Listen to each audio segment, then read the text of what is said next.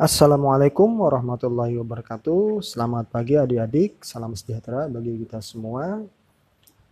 Bertemu lagi di pembelajaran matematika untuk kelas 8. Pada edisi hari ini Senin 25 Januari 2021. Oke, pada pertemuan kali ini kita akan belajar mengenai teorema Pitagoras ya. Nah, sejarah singkat dalam teorema Pitagoras yaitu teorema Pitagoras ditemukan oleh seorang ilmuwan matematika dan filsuf asal Yunani yang bernama Pitagoras. Nah, jadi teorema Pitagoras ini diambil dari nama penemunya yaitu Pitagoras yang mana beliau lahir Eh, pada tahun 582 Masehi di Pulau Samos.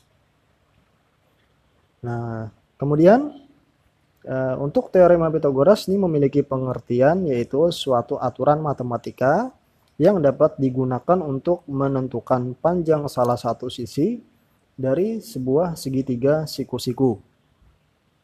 Jadi yang perlu diingat di sini adalah teorema ini hanya berlaku untuk segitiga siku-siku dan tidak bisa dipakai untuk menentukan sisi dari sebuah segitiga lain yang tidak berbentuk siku-siku. Nah, pengertian lain juga dijelaskan bahwa jika sebuah segitiga memiliki sudut siku-siku dan setiap sisinya dibuat sebuah persegi, maka luas persegi terbesar itu sama dengan penjumlahan luas dua persegi.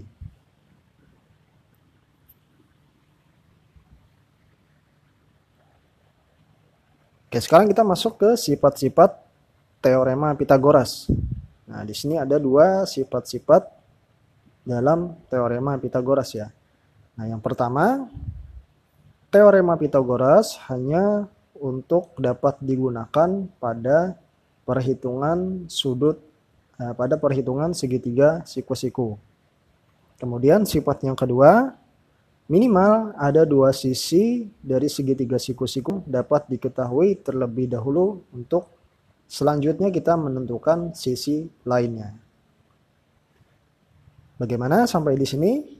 Sudah bisa dipahami? Oke, mudah-mudahan bisa dipahami ya. Nah, kita lanjut ke uh, masuk ke mengidentifikasi segitiga siku-siku. Nah, untuk menambah pemahaman kita seputar segitiga siku-siku dan teorema Pitagoras, nah kakak akan menjelaskan tentang identifikasi segitiga siku-siku. Nah, di sini sudah ada gambar daripada sebuah segitiga siku-siku ABC. Nah, segitiga ABC, nah, sisi AB itu disebut sebagai sisi tegak B Kemudian sisi BC disebut sebagai sisi alas C.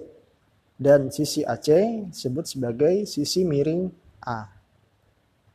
Sehingga rumus dari teorema Pitagoras yaitu AC sama dengan AB kuadrat ditambah BC kuadrat. Atau AC sama dengan akar AB kuadrat ditambah BC kuadrat.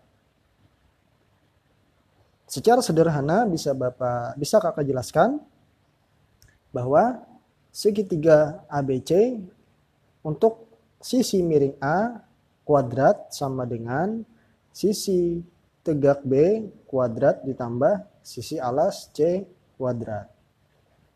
Nah, itu untuk rumus daripada teorema Pitagoras.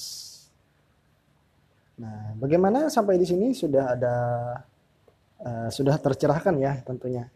Nah, untuk lebih menambah atau memantapkan pemahaman kita tentang teorema Pitagoras, ya, kakak akan jelaskan tentang contoh soal yang berkaitan dengan teorema Pitagoras. Nah, sebelum masuk ke contoh soal, kakak akan menjelaskan tentang aturan-aturan matematika yang tidak hanya dipakai dalam perhitungan teorema Pitagoras, tapi juga bisa dipakai dalam perhitungan-perhitungan lainnya. Nah, yang mana aturan tersebut sebagai berikut. Yang pertama, X ditambah 4 sama dengan 10. Nah, untuk menemukan nilai dari X, kita perlu memindah angka 4 ke sebelah kanan tanda sama dengan ya. Dan jika penjumlahan, maka akan berubah menjadi pengurangan setelah dipindah ruas. Nah, dan hasilnya yaitu X tambah 4 sama dengan 10. Maka nilai X sama dengan 10 dikurang 4. Nah, tanda 4 yang tadinya positif setelah dipindah ruas ke sebelah kanan tanda sama dengan berubah menjadi negatif 4. Maka nilai X-nya sama dengan 6. Mudah bukan? Oke, kita lanjut ke aturan matematika yang kedua. A kuadrat sama dengan B. Maka A sama dengan akar B. Untuk menghilangkan pangkat pada A, maka pangkat A dikalikan setengah. Sehingga A pangkat 2 dikali setengah. Sama dengan B pangkat setengah. Nah, di sini karena A-nya kita kalikan setengah, maka B-nya juga harus dikalikan setengah. Nah, maka diperoleh hasil A pangkat 2 dikali setengah sama dengan A pangkat 1. Dan B pangkat setengah. Nah, sehingga hasilnya adalah A sama dengan akar B. Nah, akar B didapatkan dari pangkat setengah tadi. Nah, jadi pangkat setengah pengertiannya itu adalah akar. Baik, kita masuk ke contoh soal yang berkaitan dengan teorema Pitagoras. Nah, di sini ada sebuah segitiga X, Y, Z. Nah, segitiga siku-siku X, Y, Z. Sisi miringnya diketahui sebesar 5 cm. Dan sisi alasnya diketahui sebesar 4 cm. Nah, ditanyakan berapakah sisi tegak dari segitiga X, Oke, langsung saja kita masuk ke penyelesaian soal. Nah, X, xz kuadrat itu sama dengan xy kuadrat ditambah yz kuadrat. xz diketahui nilainya sama dengan 5 cm. Maka xz sama dengan 5 kuadrat. Sama dengan xy kuadrat ditambah yz kuadratnya sama dengan 4 kuadrat. Nah, maka xz kuadrat atau 5 kuadrat itu sama dengan 25 sama dengan xy kuadrat yang ingin kita cari ditambah dengan 4 kuadrat sama dengan 16. Maka xy kuadrat itu sama dengan 25 dikurang 16. xy kuadrat sama dengan 9. xy sama dengan akar 9. Nah, xy akar 9 hasilnya adalah T3. Jadi nilai xy diperoleh adalah sebesar 3 cm. Nah, sehingga segitiga XYZ memiliki sisi miring 5 cm, sisi alas 4 cm, dan sisi tegaknya 3 cm. Bagaimana? Cukup mudah bukan? Oke, nah jadi uh, itu tadi uh, berkaitan dengan uh, penjelasan tentang teorema Pitagoras.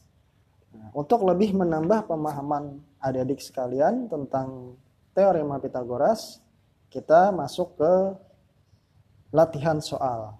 Nah, di sini ada beberapa soal. Coba kalian kerjakan di kertas selembar. Lalu kemudian silahkan share hasil yang kalian peroleh, hasil penyelesaian yang kalian peroleh di sini ya. Ya mungkin itu dulu yang bisa kakak sampaikan tentang materi pembelajaran hari ini yang berkaitan dengan teorema Pitagoras. Mudah-mudahan pembelajaran hari ini bisa memberikan pemahaman kepada kita semua dan manfaat uh, untuk jangka panjang bagi kita semua. Terima kasih yang sudah bergabung. Salah hilap mohon maaf. Sekian. Assalamualaikum warahmatullahi wabarakatuh.